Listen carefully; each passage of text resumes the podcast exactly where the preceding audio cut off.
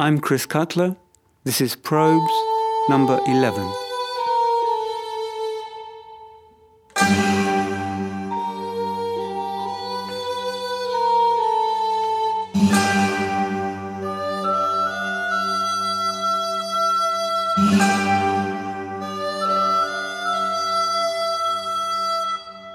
The way that voices and new ways with voices have evolved has been inextricably bound into the myriad probes launched into the new medium of recording.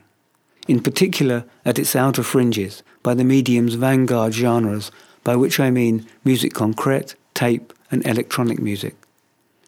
These disciplines, and especially their primary instrument, the studio, had functioned prominently in the 1960s as initiating contexts and experimental workshops for the generation of new and unfamiliar sounds.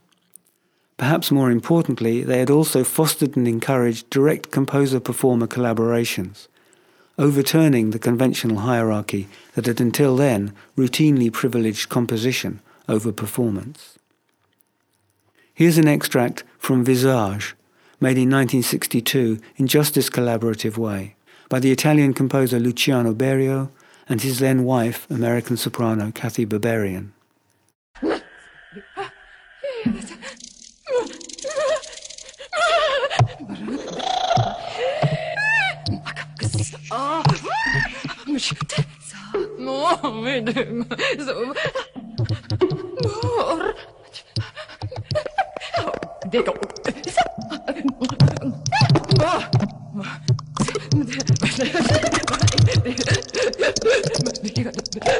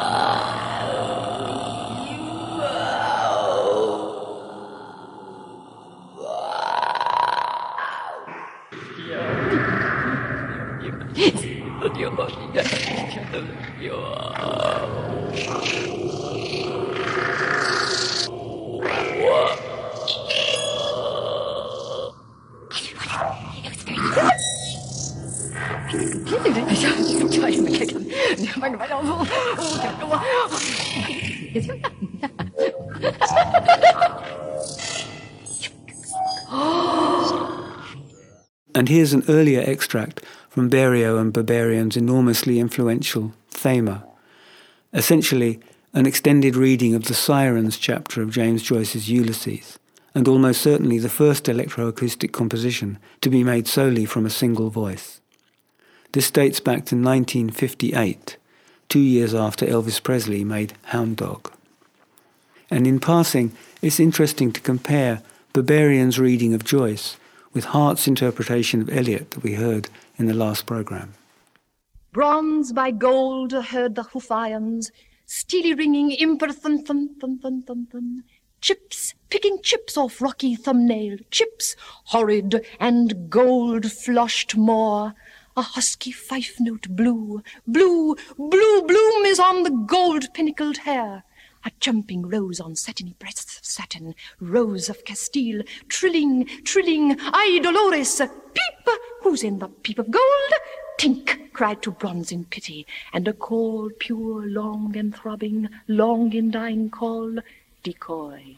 Soft word, but look, the bright stars fade. Oh, Rose, notes chirruping answer, Castile, the morn is breaking. Jingle, jingle, jaunty jingling, coin rang, cluck clacked, a vowel. Sonnet, I could. Rebound of garter, not leave thee. Smack, la cloche, thy smack. A vowel, warm, sweetheart, goodbye. Jingle, blue, boomed crashing chords when love absorbs. Wow, wow, the tympanum assail. It was with Thema behind them that Berio and Barbarian saw their way to Visage, taking the voice across the borders of both text and song into an Artodian world of raw emotion, tears, hysteria, and artifice, although considerably leavened in their case by the inclusion also of inconsequential chatter, unconscious intimacies, and non mimetic noise. Although in the manner of the time, Visage was credited solely to her husband, it's clear that the work took its life from Berberian's initial improvisations. We know that nothing was precomposed and that Berio assembled the finished work empirically, using only Berberian's library of recordings and his ears. What is important to say is that it was the studio environment that underwrote this collaborative method, that turned process into material and then material into form. Visage was also the product of a combination of two unusual attitudes. Berberian's acceptance as a trained classical singer of the frail, unmusical, messy, and pre-verbal emotional dimensions of her voice, and Berio's profound compositional grasp of the aesthetic legitimacy of such unmusical material. Here's one of Berberian's own compositions, Stripsody, a score assembled from text fragments, onomatopoeia, and captions snipped from strip cartoons. Ah!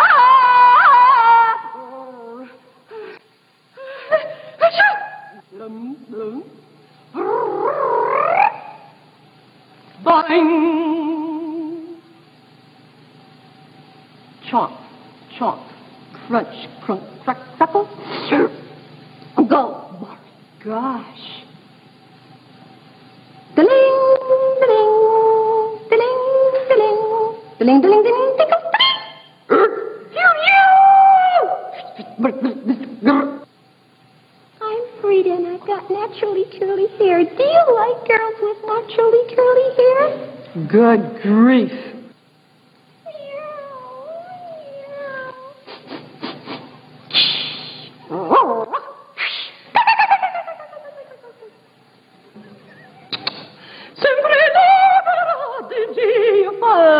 She's got a ticket to ride. She's got a uh, the weather tomorrow's musty cloudy. So, knock, knock. Oh, oh, slack. Boing, boing, boing, boing, boing. Stomp, stomp, stomp. Ugh, thud. Stomp, stomp, stomp.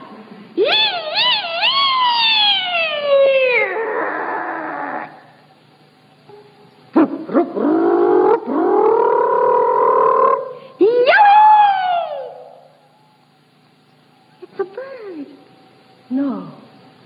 It's a plane. No. It's Superman.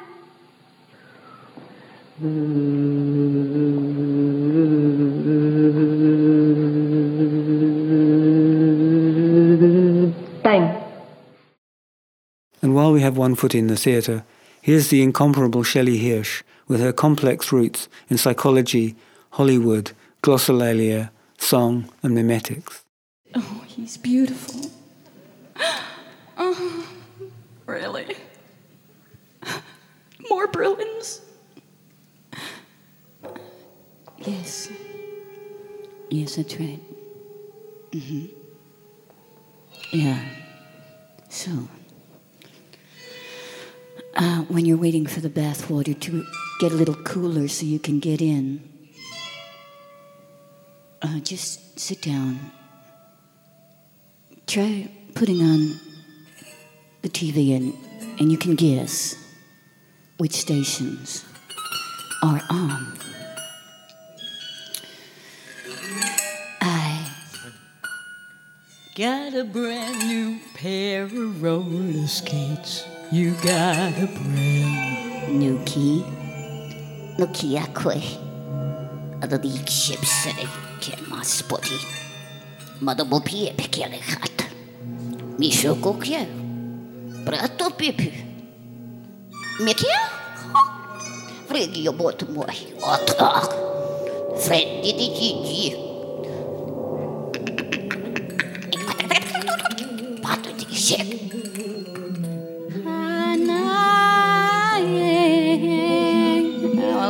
there. I can't change that one over. Like she's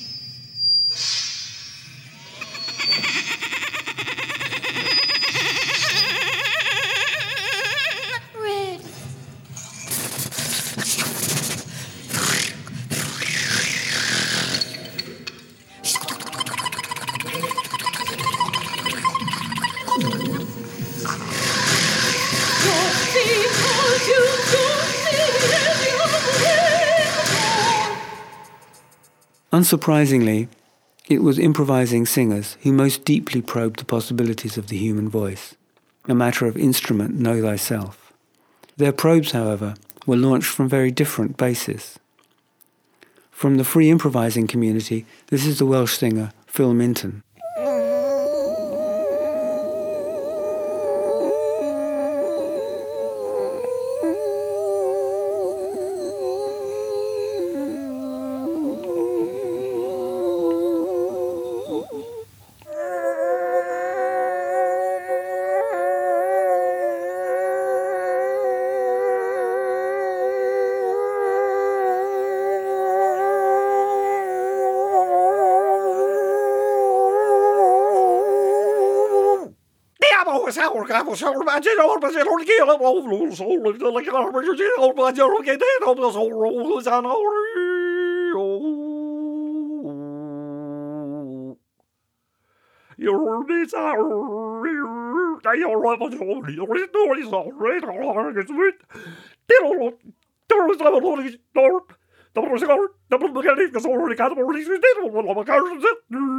And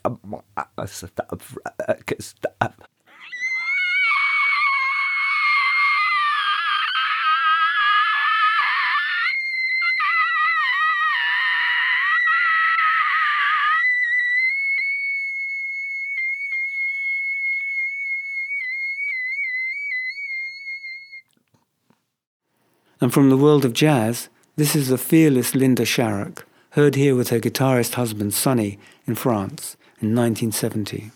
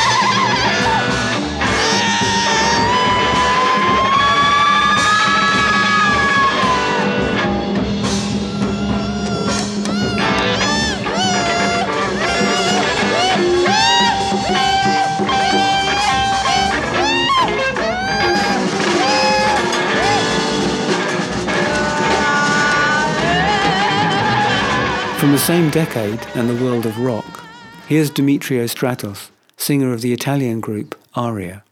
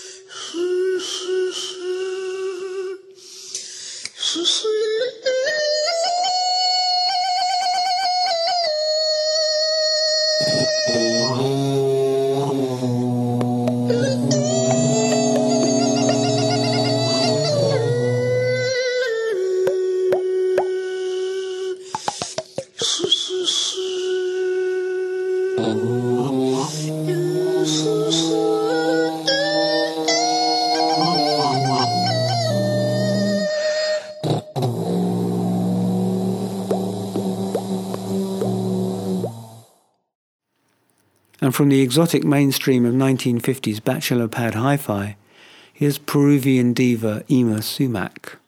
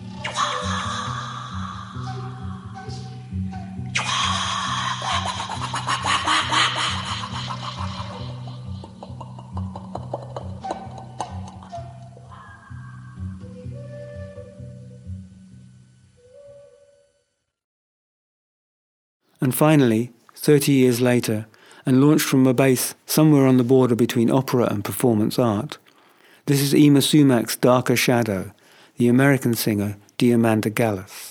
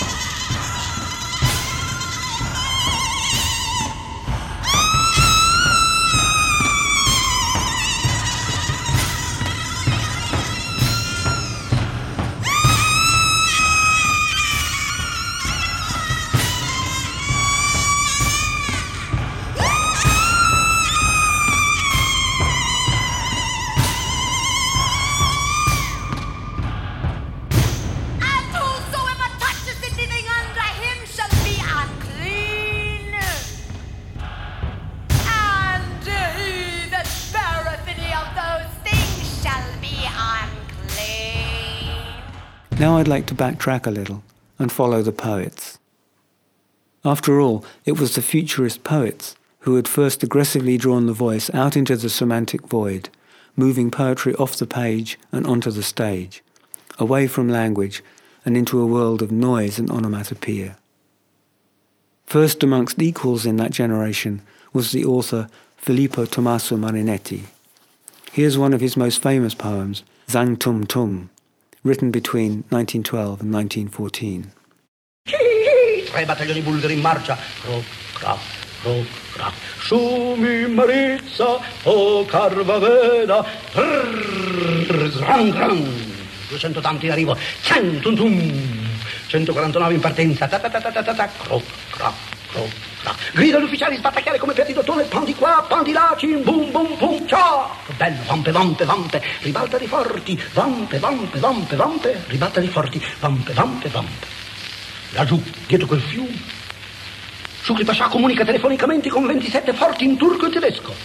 Allo Ibrahim Rudolf, allo, allo, attori, ruoli, echi, suggeritori, scenari di fumo, foreste, applausi, odor di saldito, odor di marcio, non sento più i miei piedi gelati.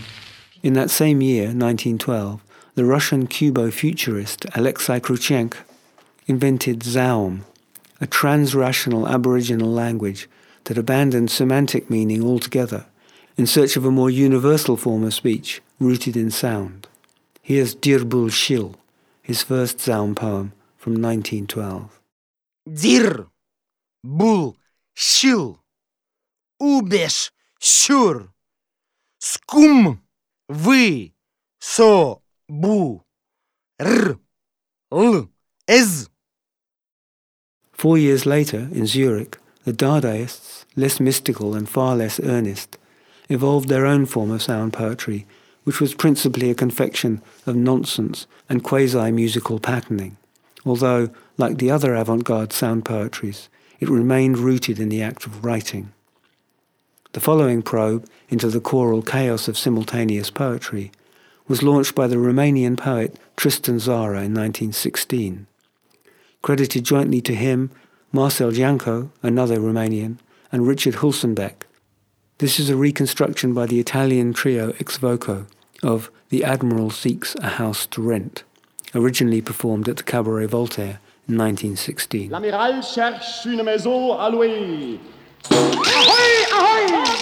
Des Admirals gewilltes Beifall schnell zerfällt. J'ai mis le cheval dans l'âme du Und serpent. der Concierge wollte Bucarest, on reviendra, mes amis, dorénavant. Et c'est très intéressant. C'est tristement sur My great room is mine admirability. Britza!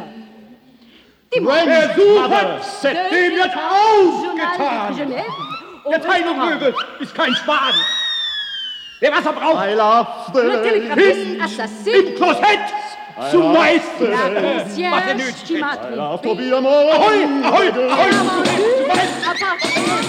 Ahoi! Dans l'église après la messe. Le pêcheur quitte à la comtesse. Adieu, Bathilde.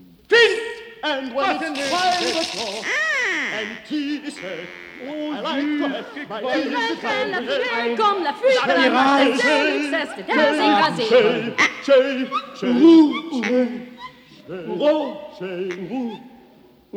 Everybody, everybody is doing it. Autour du va, it. pour Everybody le des is doing oiseaux, it. le Take a guide, bite. à moitié de lumière, à la distance des bateaux. The following probe by the Austrian composer Ernst Toch was launched from a musical rather than a literary base, but it came to a similar aesthetic conclusion.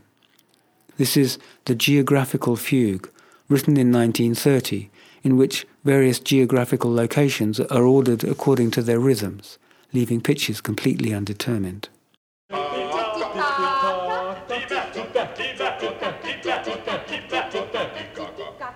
Lakasaki.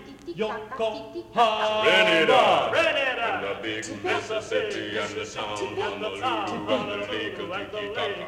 They're talking about the visit of Titicaca. Mexico, Mexico, Mexico,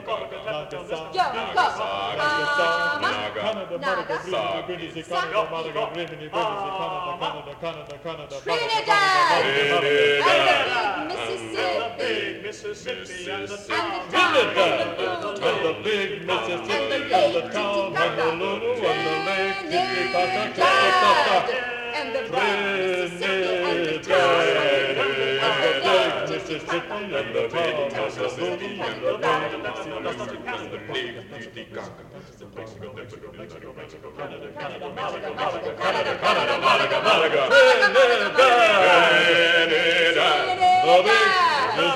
the and the Tom, Honolulu, the lake, Titicaca, the lake, Titicaca, the big Mississippi, Mississippi, the little, the lake, Titicaca, Mississippi, Honolulu, Titicaca, Mississippi, Mississippi, Mississippi, Mississippi, Mississippi, Mississippi, Canada, Malaga, Rimini, Brindisi, Canada, Malaga, Rimini, Brindisi, Canada, Trinidad, Rimini, Brindisi, Canada, Malaga, Rimini, Brindisi, Canada, Malaga, Trinidad, Trinidad, Trinidad, Trinidad. By now, it's the early 1930s. The classical avant-gardes were all in decline or retreat. The surrealists who superseded them had little interest in music, and their would-be leader, André Breton, was mesmerized by the written word and despised musicians. It was not until after the Second World War that the poetic strand of extended voice techniques was picked up again, this time with impressive vigour, especially in France, where in 1945 yet another Romanian, Isidore Izu, founded the Letterist movement. Amongst other things, the Letterists proposed a poetry wholly devoid of semantic content, and to that end set about assembling a sonic alphabet of about 130 vocal gestures, including inhalation, expiration, groans, sobs, and so on, much in the same way that Luigi Russolo had drawn up his catalogue of noises 30 years earlier. By 1953, Francois Dufresne had broken away from the main body to found the ultra-lettrists, and at the same time he started to give recitals of his abstract sound compositions, which he called Cri rhythm. At more or less the same time, the poet Henri Chopin stepped outside both language and music. Like the crooners of the 1920s, he discovered a new role for his voice through a close engagement with microphones and the intimate process of recording. Not in the formal institutional way that had supported the pioneering electronic and concrete composers, but at home, alone, experimenting with the first generation of domestic tape recorders. It was in the technology itself that he discovered the means of extending the range and timbre of his voice, marrying the intimacy of the microphone with its ability to amplify tiny sounds, with the technical frailties of the medium and its ambiguities. He overdrove the tape. He impeded its progress over the heads. He built up sound in semi-transparent layers by covering the erase heads with matchsticks. The result was what he called a poésie sonore, as opposed, he said, to a poésie phonétique. And here we also see, in anticipation of Marshall McLuhan's analytical theories, a clear shift from written to oral modality. This is Henri Chopin's La Fusée Interplanétaire, made in 1963. 10, 9, 8, 7, 6, 5, 4, 3, 2, 1, 0.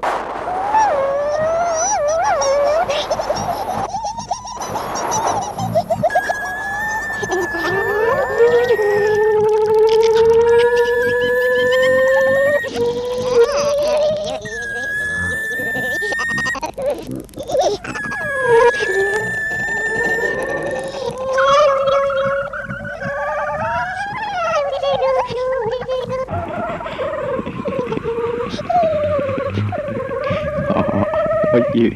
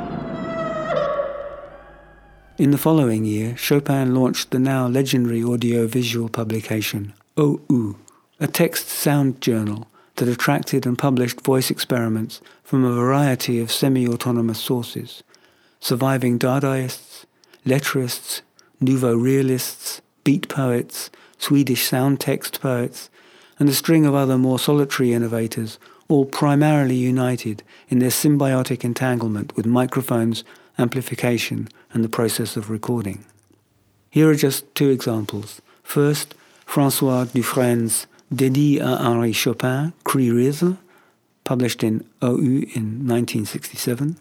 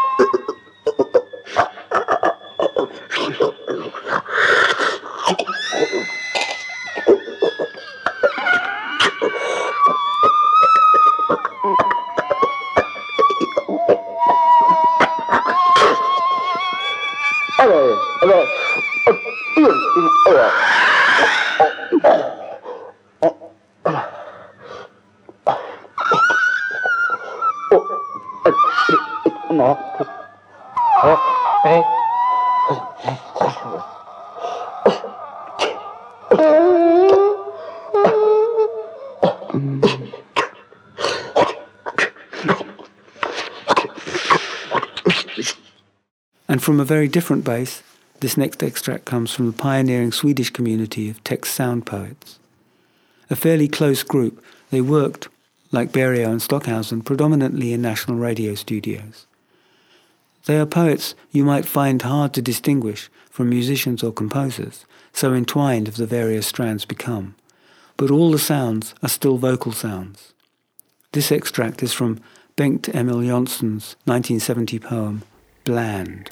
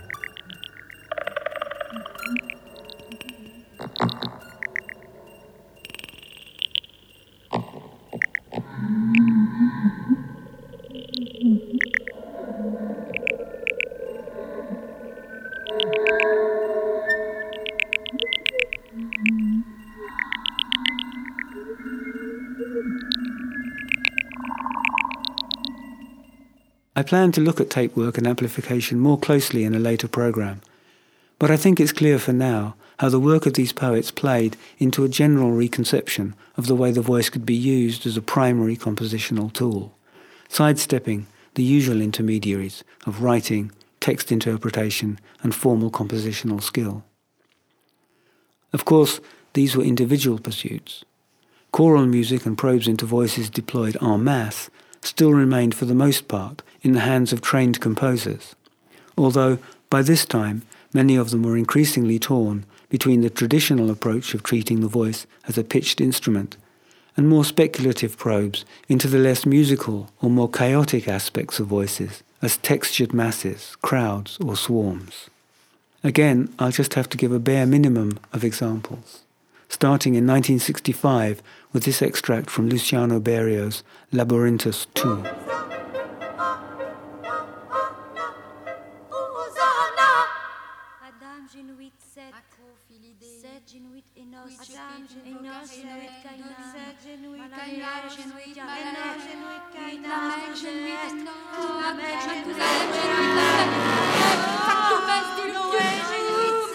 Cataclysmum!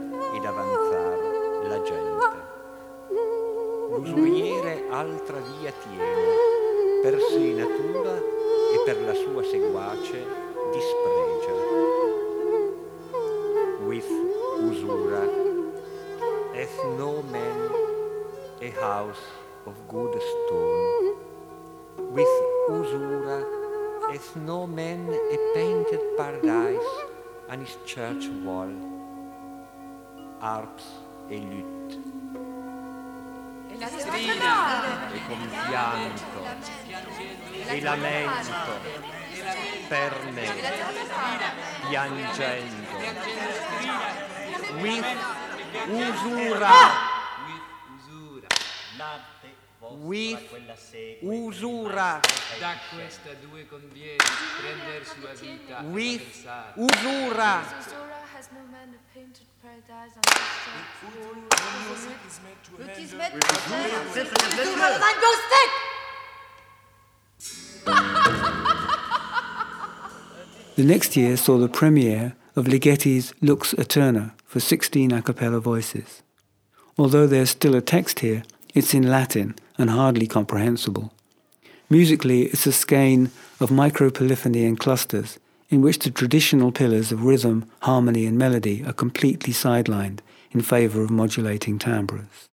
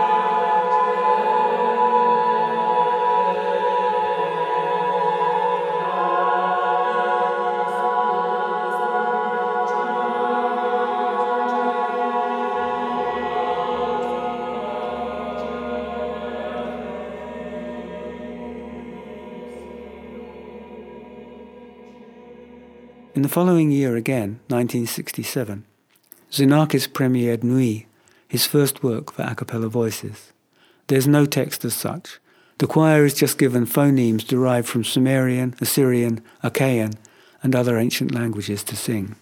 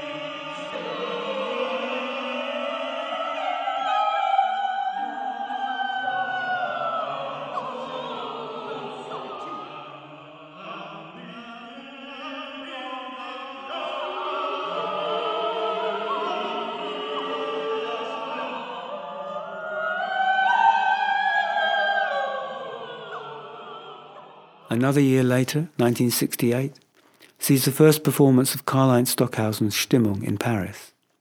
We heard some of this in probe number two. Like Berio, Stockhausen had begun actively investigating the possibility of voices in his early electronic and concrete works, most effectively in the extraordinary Gesang der Jünglinge, a composition that was immediately accepted as the key work of reconciliation between the feuding French and German disciplines.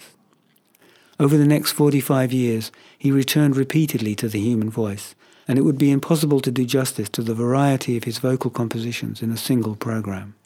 So here's just a handful of extracts taken more or less at random from a catalogue of over 47 different works. First, from Invisible Choir, written in 1979, part of Saturday from his seven day opera Licht.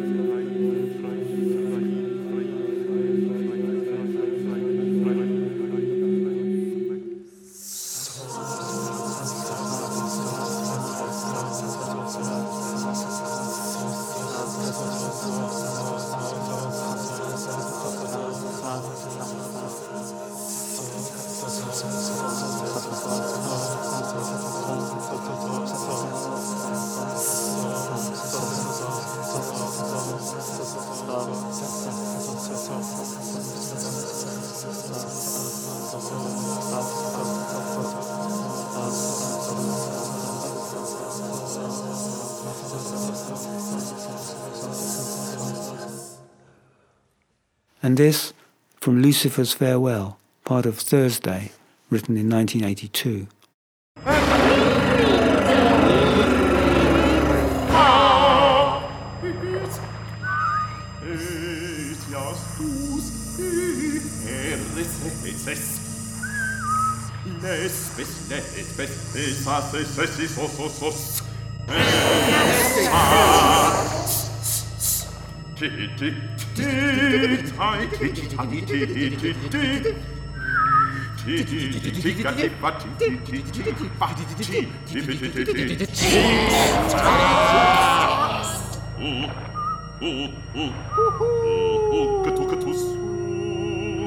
Akuhuru, Sororoku,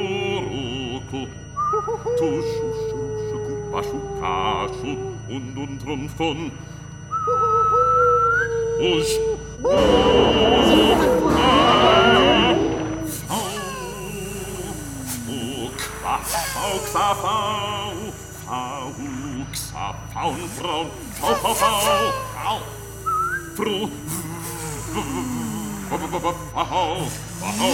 Fau,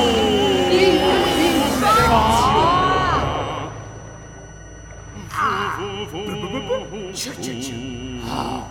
E. Que abre o tchutchu.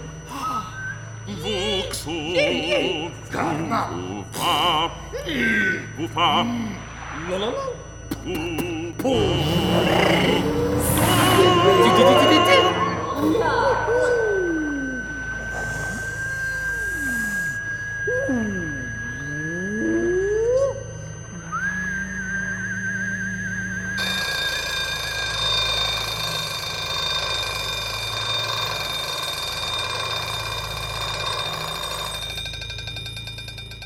Written at the millennium, Angel Processions, part of Sunday.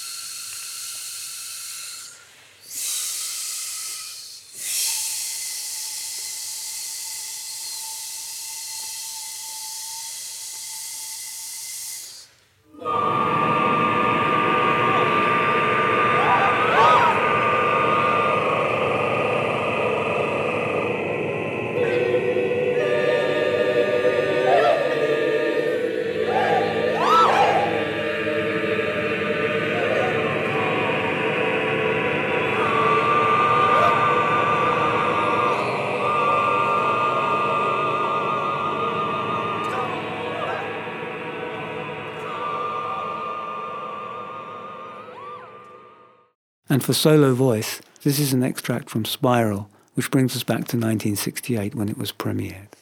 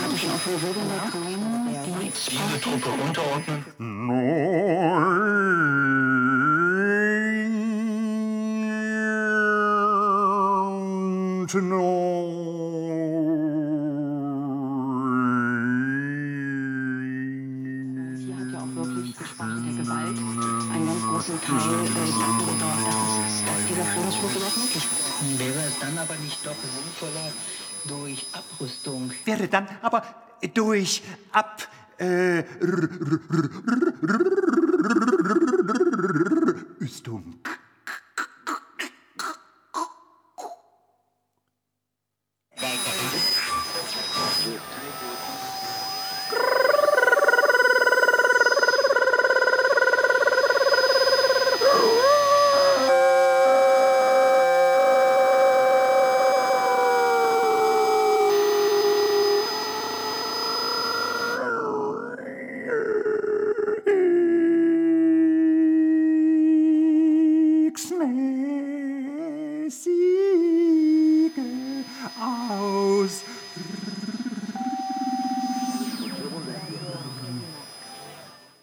1969, the British composer Cornelius Cardew launched The Great Learning, a series of instruction pieces intended to be performed by untrained as well as trained participants.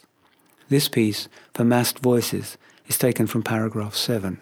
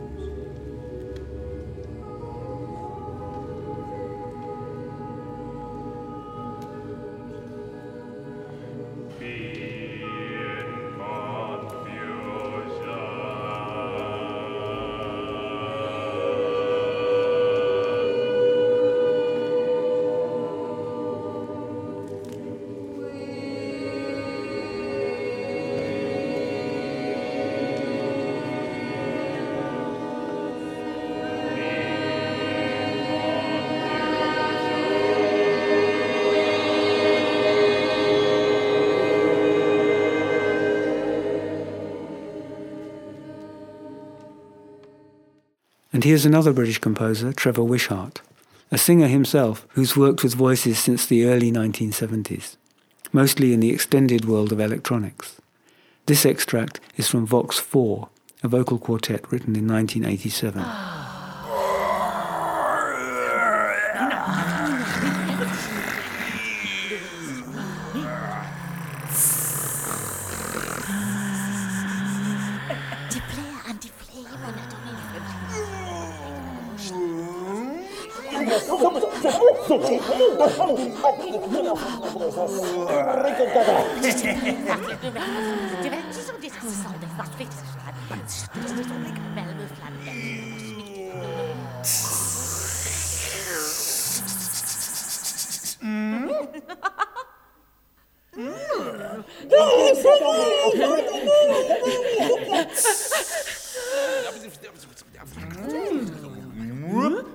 I got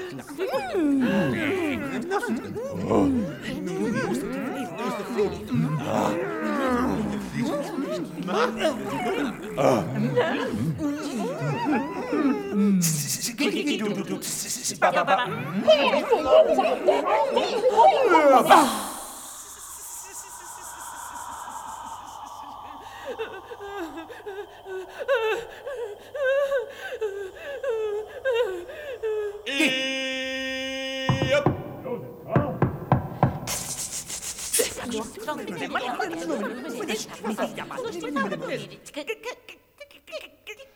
Ja, maar de normale Ja, maar de thema's.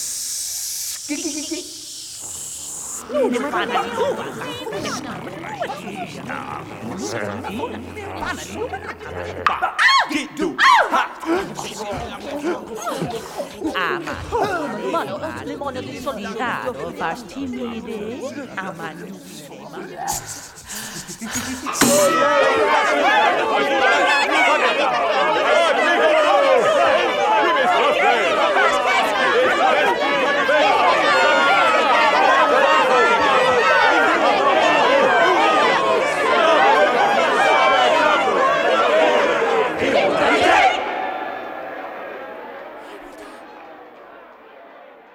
I'll close with a popular choral group who, in this introduction to a fairly conventional song, employ a series of unorthodox techniques to establish atmosphere.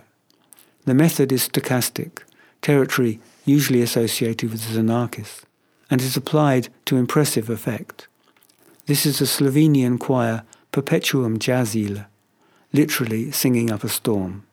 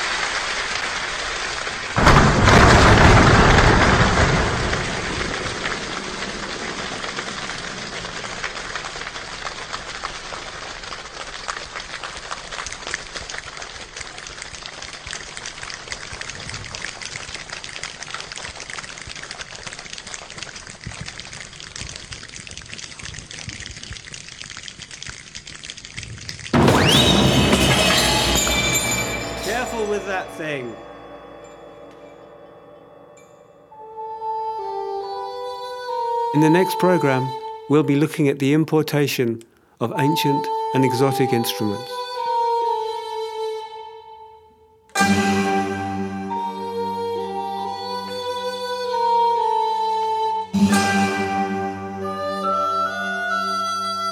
I'm Chris Cutler. This has been Probes.